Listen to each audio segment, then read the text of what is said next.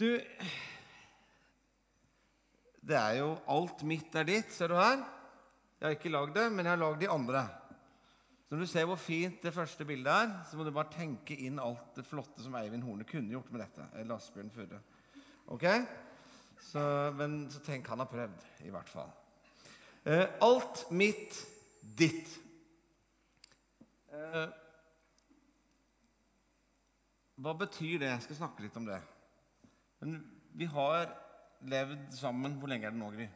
23. Og vi har vært kjærester i Å, kjør. 20, kanskje? 20 20. Nei, ok, ja. 26, mente jeg. Hun var blåruss, ikke sant? Men uh, Det er bra. Veldig bra. Altså, Du er ikke så bland, altså. Det kan jeg si. Men uh, Du, du kan ikke si sånn, men jeg kan si sånn. Nei, så det er klart at vi, vi har jo valgt å leve liv hvor det som har vært viktig for oss, er å leve i det Gud har for oss. Og når vi har tatt valg, så har det vært viktig for oss når vi har vært pastor her eller kommet hit, at det er noe vi føler Gud har kalt oss til. Fordi at vi vet åssen det er å jobbe i en menighet som dette. Det er av og til kjempegøy. Av og til så er det mye, av og til så er det kampete, og noen ganger så er det sånn du har lyst til å gi opp. Men når du vet at Gud har satt deg der, så har du på en måte noe i bånd som gjør at du, du har tro på morgendagen. Skjønner du? Og i det, nå er vi jo en serie på fire uker, sånn med jevne mellomrom, en gang i år eller annethvert år, eller noe sånt, så snakker vi litt om penger. Og vi har mange vitnesbyrd på penger. Er ikke det fint? Eh, Og Guds trofasthet inn i det. Så de har spurt oss litt om det. Så da har vi tenkt å dele litt vitnesbyrd først. Og så skal vi si noe om fundamentet for hvorfor vi tror det er mulig å leve sånn. Er ikke det fint? Og så skal vi ha importation etterpå. Importation. Det er veldig bra. Er ikke det fint? Eh, Geir han begynte jo serien med å snakke om at det hadde gjort noe med han da han hørte at vi hadde gitt bort bilen.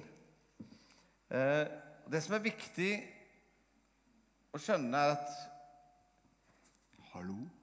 Hei. Jeg føler jeg har sånn flott stemme. Eh, det var jo når vi søkte Gud på at nå var det litt flere, litt for mye utgifter i forhold til inntekter. Hva gjør vi, Gud? Det er viktig å få med, så sier Gud, gi bort bilen din. Og det, det er litt viktig for oss når vi snakker om alt mitt skal bli ditt, på en måte.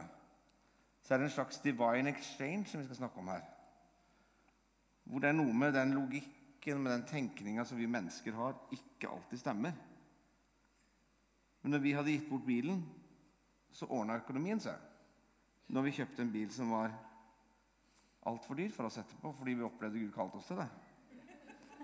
Så sa ok, men det funker jo ikke helt. Så det er noe med å lære seg å tenke ut ifra når du sitter i himmelen. Ok, Hva er det du ser, Gud, når du ser på utfordringene mine? Og lytte til Han, og så måtte lære seg å leve ut ifra det perspektivet. Så er det utrolig hvor mye kjekt som skjer. Og Jeg husker en gang i Vi- Atlanta. Fortell om det, Gry. Først vil jeg si at vi har nok aldri vært spesielt opptatt av penger og økonomi sånn nå skal vi leve i tro-greie, eller hatt veldig fokus på at Gud kaller oss til å gi vekk her eller der, eller sånne ting. Men vi har vært utrolig nidkjære på og opptatt av å leve i Guds vilje med livet våre. Og dermed har vi opplevd at inni det så har Gud utfordra oss på økonomi. Men utgangspunktet vårt har aldri vært at eh, vi tenker at Gud kaller oss til å leve et liv i tro med økonomien vår.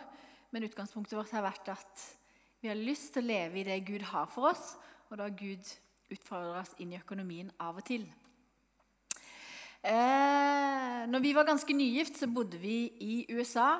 Og da eh, studerte jeg, og Øystein jobba, og han eh, betalte studiet mitt og sånne ting.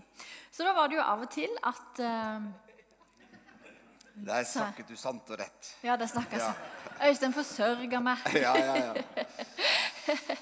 Eh, og da var det jo av og til at eh, vi kjente nei, nå kniper det i økonomien. Så satt jeg en kveld og regnet sammen og fant ut at nei, Nå mangler vi ca. 800 dollar. Eller ikke ca., jeg hadde eksakt ta- tallet. Og så hadde jeg jo vært på Målen, da. Når du bor i New York, så er det mye shopping. Eh, og så hadde jeg vært på Målen, så hadde jeg sett en genser jeg hadde veldig lyst på. Og så la jeg den inn i regnestykket, og så sa jeg til Gud OK, Gud, vi trenger 830 dollar. Det er dette vi mangler nå med disse regningene, inkludert denne genseren jeg hadde lyst på, som jeg helt sikkert ikke trengte. si, du må ikke ta all æren. For dette var en fredag kveld, og du ba meg komme opp på kontoret. Og så hadde du skrevet ned det, og så måtte vi ber sammen. Så jeg var òg med. Ja, nei, jeg skal ikke ta æren for all det. I all ydmykhet. og så ba vi. Eh, og så, lørdag morgen, så ringer det på døra. Da er det Mrs. Mims Dorothy Mims. som ringer på. Og så åpner vi døra. Hun gikk i menigheten vår. Og så sier hun Jeg bare opplever at Gud har eh, minnet meg på å gi dere denne sjekken. Og så fikk vi en sjekk på 830 dollar. Inkludert genseren. Det vi hadde bedt for kvelden.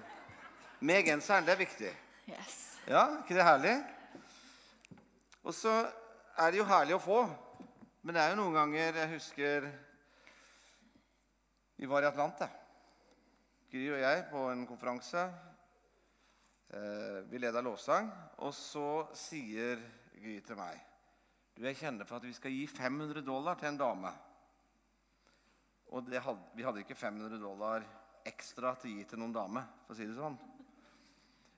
Men så kommer hun til meg, og så sier hun Hør her. Jeg kjenner vi skal gjøre det. Ok, ja, men greit. Kjenner du at det er Gud som sier det, eller er det liksom, ser du et behov, liksom? Jeg opplevde det var Gud. Og så Dette var en fredag ettermiddag. Og så gjorde Gry det. Og så leda vi lovsang. Og så etterpå så kommer det en mann til meg og så sier han, du, jeg opplever jeg skal gi deg 500 dollar. Er ikke det fint? Så det kosta meg kosta oss ingenting. Men vi var lydige på noe Gud sa, som ble til velsignelse for hun dama. Som ble på en måte et vitnesbyrd om Guds trofasthet. Eh, og det liker jeg, da. Jeg opplever jo at Gud har en sånn morsom måte å gjøre ting på av og til. Eh, vi bodde i Bergen en periode før vi flytta til Stavanger. Og da satt vi Amen. Bergen, vet du. Jeg fikk et abbarik her Med borte. fjellene.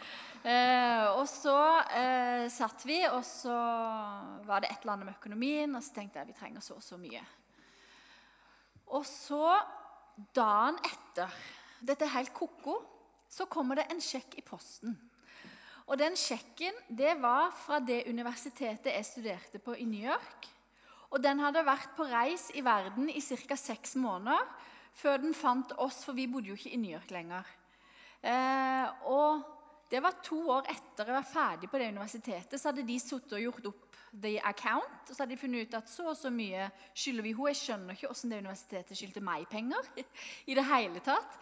Eh, og så fikk vi den sjekken i posten, som hadde vært på reis i seks måneder, fra dette universitetet med det beløpet som vi trengte den måneden. Så Gud er bare så trofast når vi lar Han forsørge oss. Når vi lar Han ha omsorg for oss. Poenget der er å si at Gud hadde utfordra oss til å Altså dette var et halvt år cirka, litt før vi kom til IMI. På at nå skal dere kutte ned litt på jobbing og sånne ting. Sånn at vi egentlig de gikk, i utgangspunktet gikk opp. Men så sa Gud såpass tydelig til oss det at da valgte vi det. Så vi sånn fra måned til måned hvordan vi fikk sånne ting hvor Gud ordna det. Plutselig så I februar så var det noen feriepenger vi ikke huska eller visste noe om, som plutselig kom i februar, liksom. Så Guds trofasthet fordi at utgangspunktet var Guds vilje. Eh, jeg syns jo det er herlig med, med kona mi, da. For hun har fått mer og mer tro for disse tinga. Jeg husker når vi ble gift, så var det mye bekymring knytta til økonomi. Og nå, nå er det sånn en utfordring. Så eh, bare for å ta Hun får tro for sånne ting som ikke jeg egentlig har hatt så mye tro for. For hun Hun er sånn Ja, jeg opplever at vi skal til Syden i høstferien. Nei, nei, nei. Det var ikke sånn det var. Å nei, fortell. da. Jeg sier at uh, vi har strengt talt så lever vi et godt liv. Vi har det veldig bra, men har sinnssykt lyst til til Syden i høstferien. Ja, det er sant. Så sier jeg så, ja, men det har vi ikke økonomi til. Så sier jeg nei, men jeg kan be Gud om at han kan gi oss en sydentur. Og parentesen er vi har det veldig godt. Det er ikke sånn at vi ikke klarer oss hvis vi ikke får en sånn tur. Og så Jeg har tro for å be om en sydentur.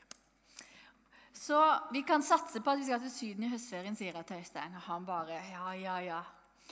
Og jeg ba sa Gud, jeg hadde satt utrolig pris på å få penger til en sydentur i høstferien. Jeg fikk ikke lov å planlegge noe annet, og det var blitt midt i september. skjønner du? Og ingenting hadde skjedd. Så kommer det noen, så sier de vi opplever at Gud har sagt vi skal gi dere disse pengene, og de skal være til ferie. Og vi reiste til Syden. Det er jo herlig. Sånn at det Gud, det er ikke liksom bare sånn at Gud sitter og gjør opp et sånt regnestykke med hva vi trenger eller ikke trenger, eller hva vi fortjener eller ikke fortjener, men han liker å gi oss gode ting. Han er ute etter å velsigne livet våre. Eh, og jeg opplever at eh, like mye som vi blir utfordra på å be Gud kan jeg få dette, eller Gud kan du forsørge, så opplever jeg jo at Gud utfordrer oss på å gi. I mange situasjoner hvor jeg opplever Gud sier 'gi der' eller 'gi der'. Og Da kan en heller ikke sitte liksom og regne helt, men en må gå litt i tro på det. Jeg tror vi skal la de ligge. Nei, du må fortelle. Den syns jeg er gøy. For i fjor sommer, da, så var det liksom sånn Gry ja, vi må ha en tur liksom med alle liksom eh, ungene. Alle ungene. Vi har to unger. Og liksom kjæreste og ektefelle, da. Og så Det må vi få til. Og så var det noen andre ting du mente vi måtte. Og så var jeg litt sånn Ja, men det Så sa hun Ja, men jeg har tro for at vi skal få igjen 50 000 på skatten. har noen fått det igjen noen gang på skatten, liksom? um, Og så sier jeg sånn Men Gry, jeg sitter med alle tallene her. Vi får ikke igjen 50 000 på skatten. Altså, det, dette det er et regnestykke. Så hun bare sånn, Det er helt tatt ut av det blå. Og så er jeg bare jo, jo, jeg har tro for at vi skal få 50 000 igjen på skatten. Jeg spør, ja, men Gry, jeg sitter med tallet her. Det er, det er ikke logisk en plass. Så, så Hvor mye var det vi fikk igjen på skatten? Det mangla noen hundrelapper på 50 000. Ja. Så at Gud er så trofast. Ja, men, jeg, ja, jeg synes, men vi trengte det òg. Altså, fordi at hun hadde jo funnet på alt vi skulle gjøre. så, Det høres det ikke bra ut. Men, men jeg syns jeg syns også, Bare som en utfordring til dere når du kjenner kanskje på at du blir minnet om å gi noe til noen. At det, du kan virkelig få være en del av et vitnesbyrd. Husker når jeg kjørte på motorveien, og så kabababom, og så var girkassa gåen. Det er litt kjedelig. Og så plutselig skal du ut med noen og 30 000. Så husker jeg bare OK, er det rett før jul. Og, eh, så sa jeg til Gud, vet du hva Det var i den perioden vi levde ganske i tro. Ja, ja. Og så sier, eh, sier jeg til Gud, som jeg hadde sagt før, når toppvåkninga hadde røket Det var på bilen, ikke Det var på bilen, jeg var ikke på Det var bra du presiserte det. Når vi var i Bergen, så gikk toppvakningen, og så ba vi om 11 000, og så fikk vi 12, og så ble regninga på 12. Um, og så, var jeg så, ok, vi har ikke penger til å fikse denne bilen. Og så, så ba jeg til Gud ok, dette er jo ikke min bil, for jeg har gitt deg alt. Skjønner du?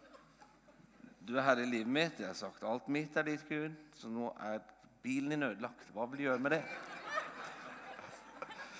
Det er en positiv side ved å gi alt vekk òg. Er du ikke enig? Så dette var vel på en søndag. Det var ikke sånn at vi gikk ut på Facebook eller starta noen innsamlingskampanje eller noen ting. Men i løpet av fra, fram til onsdag fra søndag så er det 15 forskjellige stykker i denne menigheten primært som tar kontakt og sier de opplever seg minnet på å gi oss penger som til sammen dekka omtrent på krona det den girkassa kosta. Er ikke det kult? Ja.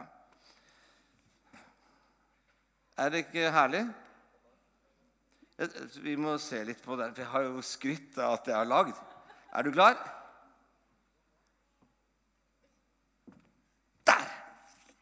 Det er litt forsinkelse, fordi at uh, Tar du neste bilde? Det er jo sånn pum. Er den ikke kommet opp hos deg? Ok, men Da gjør jeg sånn, så skjønner du at du skal bytte bilde. Ikke nå. Ok, Taleserien handler om alt mitt. Og så kryss over mitt, og så ditt. Og da mener vi Gud. Og så gjør vi sånn. Og hva betyr det? Yes! Alt mitt var det. Jo, mine planer.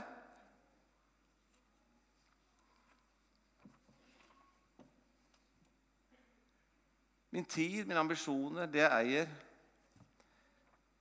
Når jeg blir frelst, så står det at det er på bekjennelsen av Hvis du bekjenner med din munn at Jesus er Herre, og tror i ditt hjerte at Gud er oppreist fra de døde, skal du bli frelst. Så I utgangspunktet når vi tar imot Jesus, så er det på en bekjennelse at OK, Jesus, jeg vil at du skal være Herre. Du ga meg livet, og jeg vil gi det tilbake til deg. I Fader vår, når de, Jesus har blitt spurt om å lære å be, så sier han, 'Be, la din vilje skje.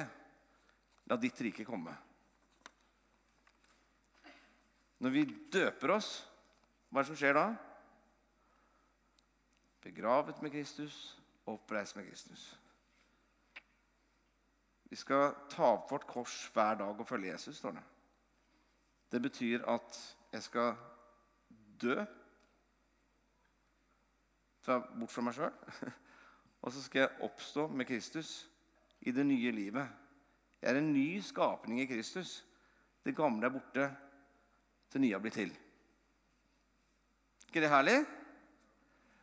Det er så herlig. at du skal dø. Ja, så herlig. Ja, Men det er jo utrolig bra. For det er ikke bare vår styrke vi skal gi til Gud, men det er vår svakhet. Mm. Når jeg kommer fram for Gud med alt som er meg, og gir det til Gud, så er det ikke bare liksom, det jeg eier, eller det jeg er flink til, men det er om min svakhet. Og det var derfor Ok, prøv igjen. Er du klar? En, to, for jeg, dette er veldig tøft. Klar for Yes! Så du liksom Det var kult. Unnskyld, jeg blir begeistra for små ting av og til. Um, det er jo derfor Jesus kom og modellerte det å ofre seg sjøl. Han ga sitt eget liv, sånn at jeg nå fikk være i Kristus. Hvis du leser Efeserbrevet, så ser du det bare igjen. I Kristus er du hellig og feilfri. Ja, men jeg er jo ikke hellig og feilfri. Det vet kona mi. Ikke si noe nå. Men ikke sant? Men i Kristus så er jeg hellig og feilfri. Så når Jesus dør, så sier han, 'OK, ta imot meg.' Så gir du meg alt som er ditt, og så skal jeg gi deg alt som er mitt. Er ikke det en god byttehandel? Det er det, vi, det jeg liker å kalle for divine exchange. Det er på en måte en sånn guddommelig byttehandel. Eh, og da gjør vi sånn. Ja. Alt Guds Hva er det?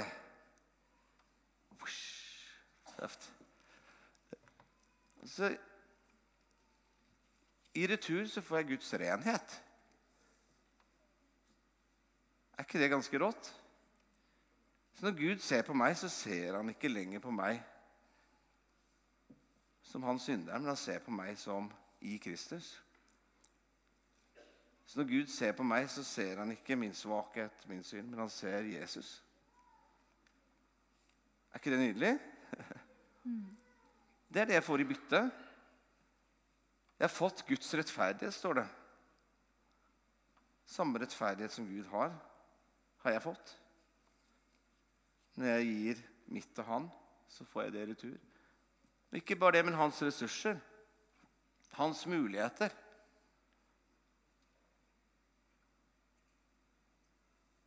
Hans planer for mitt liv. Gud har skapt meg. Og vil ta meg inn i et liv som er i, i synk med hvem han har skapt meg til å være. Hvor jeg får brukt meg sjøl, hvor jeg får være til betydning. Hvor jeg får være en del av en større historie enn den jeg prøver å skape for meg sjøl.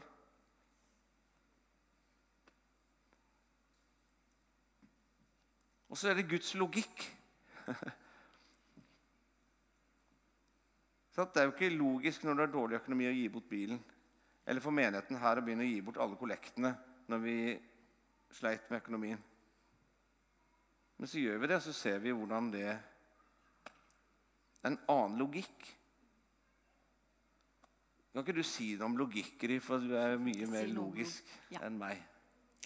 Eh, når jeg var tolv år, så fikk jeg min første jobb. Og det var meg og broren min, han er to år eldre. Vi fikk en vaskejobb som min mor egentlig tok. Og så var hun med oss og gjorde den jobben eh, to ganger i uka, og så fikk vi lønna. Og når jeg da fikk lønna som tolvåring, så ville jeg gjerne bruke allerede den gang alt på sjokolade. Jeg regnet ut penger i godteri, liksom. Og da mamma var veldig tydelig på at eh, det var lurt å spare, hva hadde jeg lyst hva skulle jeg den måneden? Det var lurt å bruke penger på å spare penger til den måneden. Og så måtte jeg sette vekk. Så hun lærte meg liksom å skrive i en sånn bok da, eh, og, og, og, lage et lite regnskap i beskyttelse for meg sjøl og all denne sjokoladen. Eh, og jeg har egentlig alltid likt tall. Jeg forstår tall. Eh, jeg har alltid likt matte. På videregående så hadde jeg økonomifag og mattefag. og det var stort sett det jeg hadde. Og Jeg hadde tenkt å bli siviløkonom. Eh, sånn at tall gir mening for meg, budsjett gir mening for meg. Eh, det, det, er bare logisk for meg. Sånn at eh, når jeg i 20-åra opplever at eh, jeg får et kall til å egentlig eh, eh, ja, jobbe i menighet og sånne ting, så gir ikke det mening for meg. For han var allerede utdanna pastor, og hvem ville ansette to pastorer? Og jeg var litt sånn Åssen skal det her se ut? Og så tenkte jeg ok, Gud, men da får jeg jobbe gratis, og han lønna. Og så får vi bo i en leilighet. Jeg trenger ikke hus, det går bra. Eh, ja. Og så levde vi litt sånn, eh, og så opplever jeg at Gud når jeg får unger etter hvert, er ganske tydelig på at jeg skal få lov å være hjemme med de. Og det blir du jo heller ikke veldig rik av. eh, og, og, igjen, de her tallene Det var naturstridig for meg å se liksom at eh, Jeg opplever egentlig at det er dette Gud kaller meg til, men det går ikke helt opp. Eh, og det var egentlig ganske vanskelig å leve i. Og I tillegg så opplever jeg at Gud på et eller annet punkt der jeg har sagt jeg trenger ikke noe hus, hvis jeg kan få lov å leve i det du har for meg. Og det er ikke noe sånn der edelt over det. Det var bare en sånn brann og et ønske dypt dypt nedi magen min at jeg må få lov å tjene Gud med det jeg har, og det jeg er. Så opplever jeg at Gud kommer veldig tydelig og sier nå er tida for å kjøpe hus. Og jeg var bare sånn Det går jo ikke an. Eh, og så kjøpte vi et hus her på Kjensvoll, og det er en sånn tale i seg sjøl åssen eh, vi kjøpte det huset, og åssen Gud er, er trofast inn i det. Og så var jeg egentlig ganske mye bekymra for økonomien, for jeg syns ikke det gikk opp sånn som jeg syns er logisk, og sånn som jeg syns det bør fungere. Så etter hvert så tok Øystein økonomien og holdt i den. Og nå drar jeg bare kortet. og Det er jo helt supert. vet du. Trenger ikke tenke på en ting. Nei da. Um, jo da. Ja. Og ofte så syns jeg Gud var litt sånn at når jeg ba til han i forhold til penger, så syns jeg han ofte utfordra meg på å gi. Enten å gi noe til noen, eh, gi penger til noen. Og ofte eh, Vi begynte liksom å gi tiende. Og så begynte vi å gi tiende av nettolønn, og så begynte vi å gi tiende av bruttolønn. Og så opplevde jeg at Gud utfordra meg igjen på å øke prosenten. Og det var alltid sånn der Ja, men dette går ikke opp, Gud. Eh, og så eh, opplever vi at Gud er trofast inn i det. Og så kommer litt poenget med den historien jeg deler nå. Og det er at eh, jeg opplever ikke at Gud i den perioden i livet mitt satte meg på prøve. Jeg opplever heller ikke at Gud i den perioden i livet mitt testa troa mi. Men jeg opplever at Gud i den perioden satte meg fri. Fri fra bekymring, fri fra mitt eget tankesett om hvordan penger, økonomi og tall bør være. Eh, og fri fra at hans regnestykker er ikke sånn som mine. For jeg var så utrolig godt oppdratt hjemmefra i logikk, i å spare, i å følge et budsjett. At det der å slippe Jeg hadde ikke noe problem med å stole på Gud, men jeg hadde utrolig problem med å slippe det jeg syntes var logisk sjøl. Forstår dere det? Men jeg opplever at Gud over de åra bare leder meg inn i en utrolig frihet på å leve ut ifra Herrens trofasthet og ut ifra Hans kall, ikke ut ifra mine tall eller min logikk. Og det er et fantastisk godt sted å være. Men det har vært en kamp å komme dit. Og så har jeg òg bala mye med at eh, jeg har hatt noen venner som egentlig har sagt at de ville leve av Herrens trofasthet. Og så det endte det egentlig opp med at jeg syntes de var så uansvarlige at de levde av andres barmhjertighet. Som forbarma seg over dem, for de så jo at disse her kommer jo ikke til å få mat på bordet. skjønner du? Og jeg levde hele tida den den der evig sånn. Men så opplever jeg at eh, vi har fått lov å leve av Guds trofasthet, og at han har skifta tanken og sinnet mitt på hans virkelighet, og hvordan han Jeg sier ikke at jeg forstår som Gud regner tall, for det tror jeg ingen av oss forstår, for det er jo helt, ikke helt ko-ko, men nesten. eh, og nå har vi to gode jobber. Vi jobber her begge to. Og vi har en helt annen økonomi enn vi hadde når vi eh, gifta oss. og Gud utfordrer oss på mange av disse tinga. Men holdningen min er at Gud er dine penger, og det er ditt ansvar. Og når han sier at jeg skal gå, så går jeg. Og når han kaller meg til å gi, så gir jeg. Og så er jeg ikke så veldig opptatt av min egen logikk og mitt eget regnestykke og mine egne mattekunnskaper. Men jeg er opptatt av at Gud er trofast, og han kaller oss. Og hans virkelighet er i hvert fall ikke i nærheten av min virkelighet. Yes. Er ikke det bra? Ja. Så når du står der i den tigerblusa di, så skjønner jo alle at det går bra. It's my wild side. Ja, it's your wild side. Veldig bra. Du, eh, vi må gjøre sånn. Har alle sett sånn 'legge alt på Guds alter'? Folk har snakka om det. Har noen hørt uttrykket? Ja. Og så Så er det et bilde av et alter. Veldig bra. Hva er det for noe? Hva, hva betyr det? Og så Der alt er Guds. Er ikke det bra ordspill? Ja, ja. Guds alter der alt er Guds. Det var ikke bra. Jeg var veldig fornøyd med det. egentlig. Men eh, ok, greit. Vi går videre. Altså, Utgangspunktet er jo å legge livet sitt i Guds hender og stole på Han. Å leve i en relasjon med Han hvor du prøver litt ok, Kanskje det er Gud, og så lærer du Han å kjenne bedre og bedre. Og Etter hvert så våger du mer og mer, for at du, du, du vet at nå er det Gud. Og da går det jo bra, selv om det ikke er logisk. ikke sant? Eh, For det er nøkkelen til til å leve et liv, et Guds rike liv og en Guds velsignelse. For jeg vet at når Gud kaller meg til noe, så er han også trofast i forhold til det. Det er ikke sånn at ok, Gud, nå vil jeg ha en Rolls-Royce for å vise at du er trofast. ikke sant? Det handler om å lære seg å sette seg sammen med Gud og spørre ok, hva er det du ser, Gud. Hva gjør vi nå? Så Det står at den rettferdige skal leve ved tro mange ganger i Bibelen. Og uten tro er det umulig å behage Gud. Og da, Troen kommer jo fra Gud. Så det handler ikke om at jeg skal nå begynne å bli en herlighetsteolog, men det handler om at jeg skal begynne å lytte til Gud. Hva er det du sier? Og så stole på at han er trofast. Og så får vi se at det får betydning for Ja, det hadde jeg glemt at kom nå. Så bare for å si hva Guds rike er Det er der Gud er kongen. Der Guds rikes frukt er synlig. Og Nøkkelen er å leve etter Guds rikes prinsipper, der Gud er min far, Jesus er Herre, og Den hellige ånd leder meg. Amen. Vær så god. Og når jeg lever ut ifra Guds rikes prinsipper, ut ifra Guds ressurser, ut ifra Hans vilje, Hans vei, Hans planer, så får det konsekvens for mitt liv, for menigheten min og for samfunnet. Det er jeg helt overbevist om. Jeg tror at livet våre, lagt i Guds hender, forandrer nasjonen vår. Og Når vi snakker om Guds rike liv, så er det ikke bare snakk om penger. Du skjønner det? Men ofte så sitter det veldig igjen akkurat det med penger, å stole på Gud.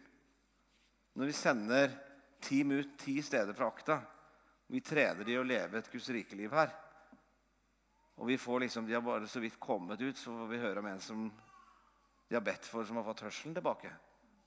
Det er fantastisk. Det er fordi at man lever ikke ut fra å, mine muligheter, men vi lever ut fra Guds muligheter. Og Når ingenting er umulig for Gud, så er jo alt mulig for Gud. og når jeg har fokus på å leve i Hans vilje, så er det òg et liv hvor jeg får gå i det Han har for meg.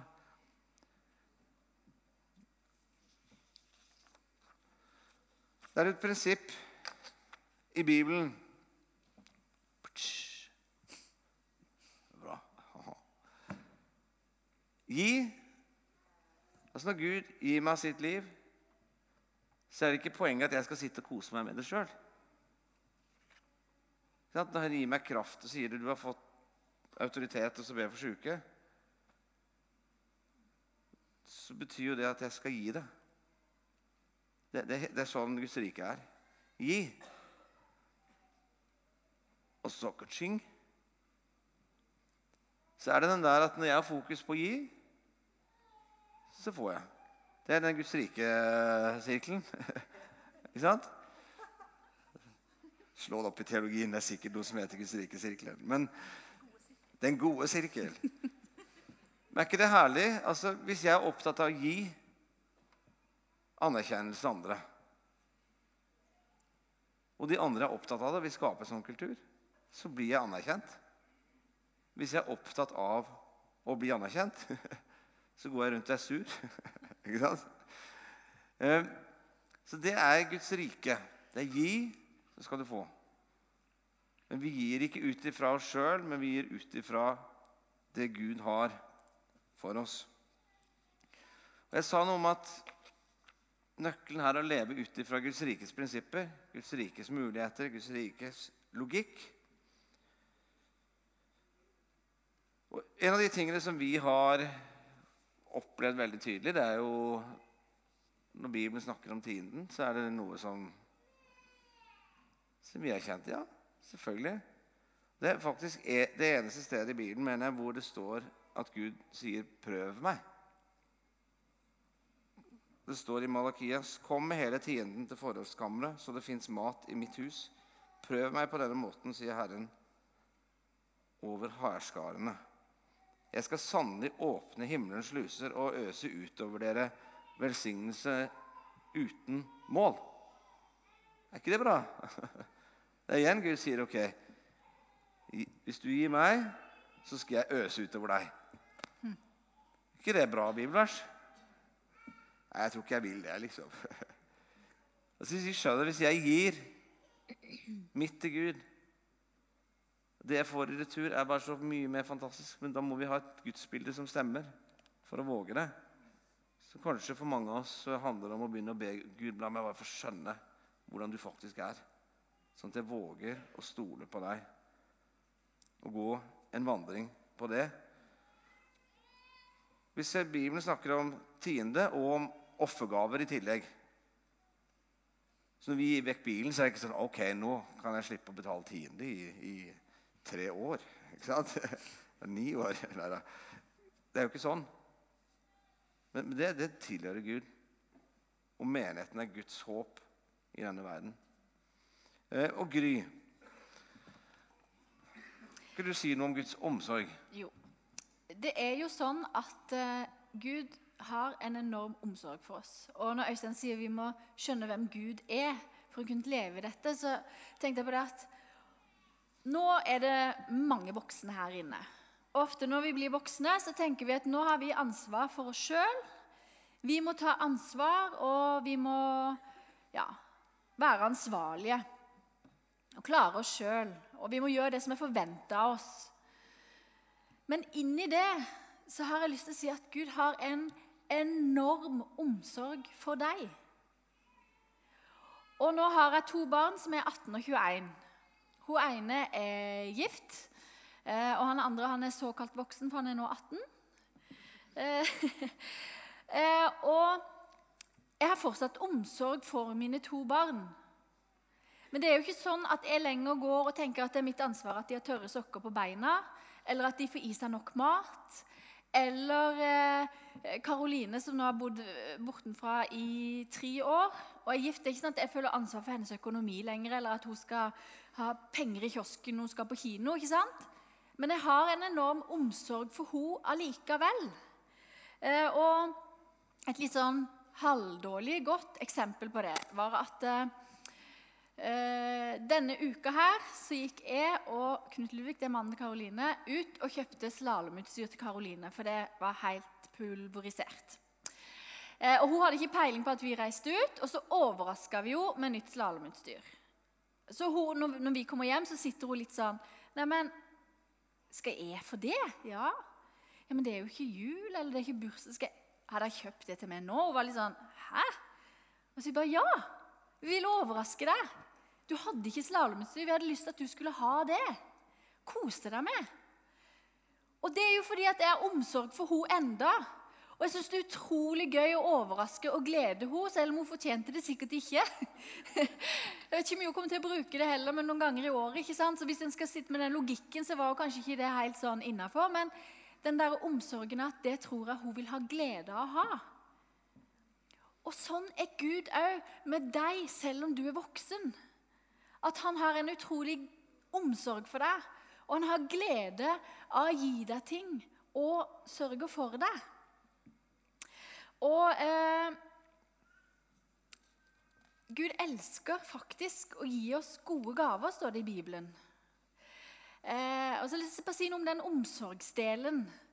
At eh, I høst så var mamma ganske sjuk. Hun var inn og ut av sykehus. Og Mommo, hennes mamma, hun døde for to år siden. Da var hun 94 år. Og Mamma hadde jo i stor grad tatt over omsorgen for Mommo i løpet av de siste åra. Men når mamma var syk, så sier hun til meg med litt sånn tårer i øynene at alltid når jeg er syk, så savner jeg mamma så. For når hun ringte, så visste hun hvordan jeg hadde det.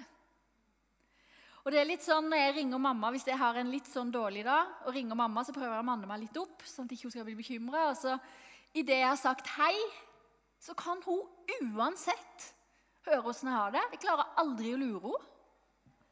For det er noe med den der omsorgen som ligger der som foreldre. ikke sant? Den omsorgen. Og så står det i Guds ord at den omsorgen vi har for våre barn, ikke er noen ting i forhold til den omsorgen som Gud har for oss. Bibelen står, Det står til og med at vi som, ikke, vi som er onde ikke vet å gi gode gaver, sier han. Betegner oss, og så kjenner vi på den omsorgen vi har for våre barn. Derfor har jeg så lyst til å si at inn i dette med penger, inn i dette med at Gud sørger for, og inn i dette med at nå er vi egentlig voksne og bør klare oss sjøl, så stopper ikke Guds omsorg. Men den er enormt stor for deg. Den er enormt stor. Guds omsorg er så stor at han tok sin eneste sønn og lot han dø for din skyld. Så stor er Guds omsorg. Ja.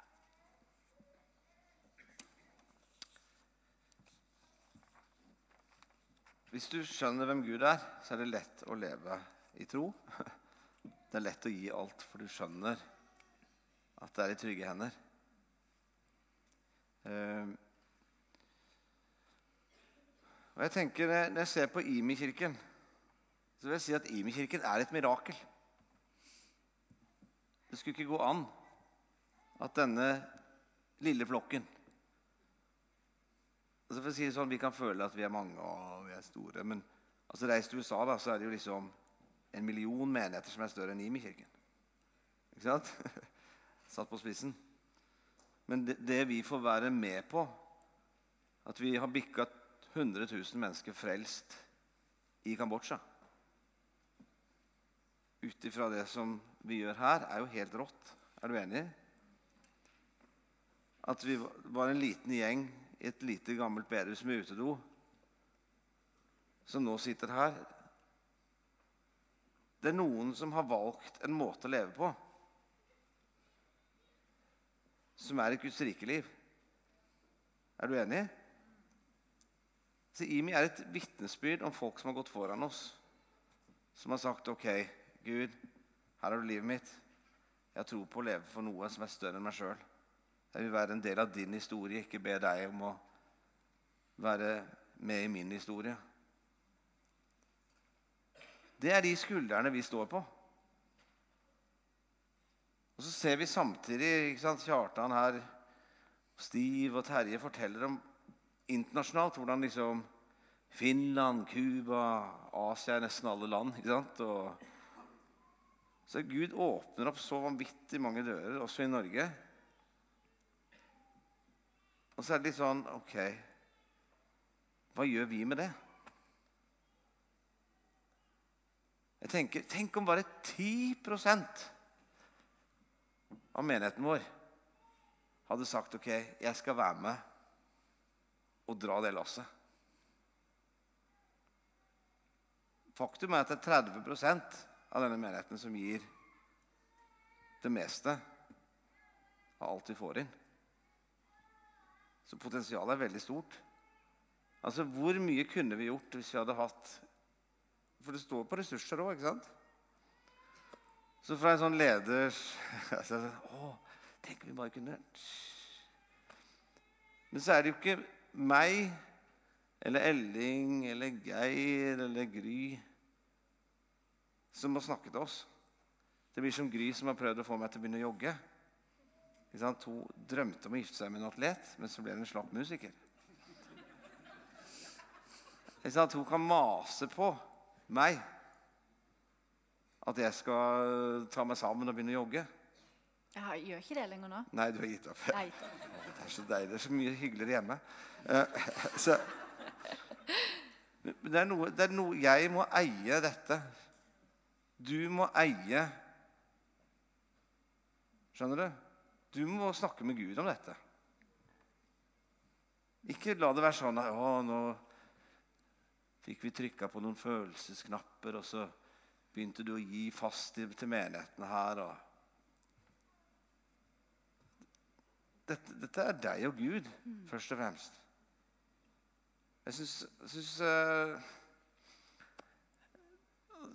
Jeg må bare si at jeg aldri opplevd Jeg har levd ganske lenge, snart 50 år. skjønner du, det er Halvannet år igjen, så er jeg 50. Så må jeg krysse sånn 50-70 år i sånne skjemaer. ikke sant? Men jeg har aldri opplevd en tid hvor Gud bare åpner opp dørene som han gjør nå.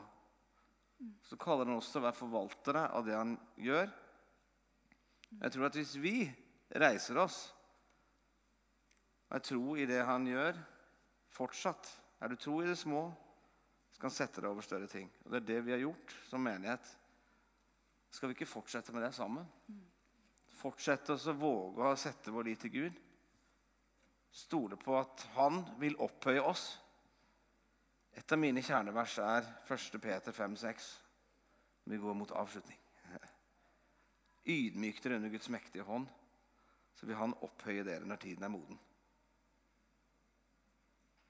så står det neste 'kast alle bekymringer på ham, for han har omsorg for dere'. Mm. Vi kan legge vår bekymring, vår liv, vårt alt, vår svakhet, vår styrke i Guds hender. Og så bare få se hva han kan gjøre. Det er mind-blowing. Så vi skal snart få lov til å Vi kan få fram lovsangstime. Så bare skal synge et lite kor sammen. Og så skal Solvår bare hjelpe oss konkret. Du kan respondere på mange områder på det vi snakker om. Men jeg må si at det er utrolig spennende å leve liv hvor du må være litt avhengig av Gud. Det blir så herlig med når du Gud griper inn igjen og igjen. Det er det livet jeg elsker å leve. For Gud er trofast. Det betyr ikke at det alltid er lett, men det betyr at Gud er med og trofast gjennom alt. Vi kan ikke reise oss opp.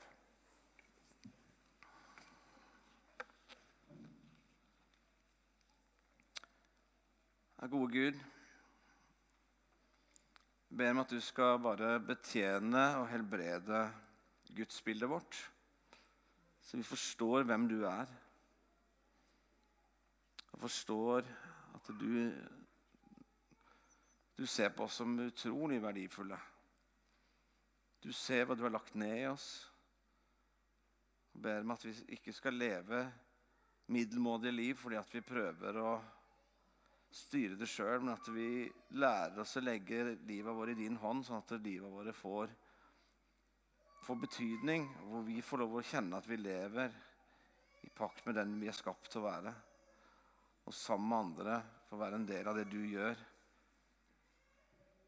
Så innta din plass på tronen i hjertet vårt, Jesus.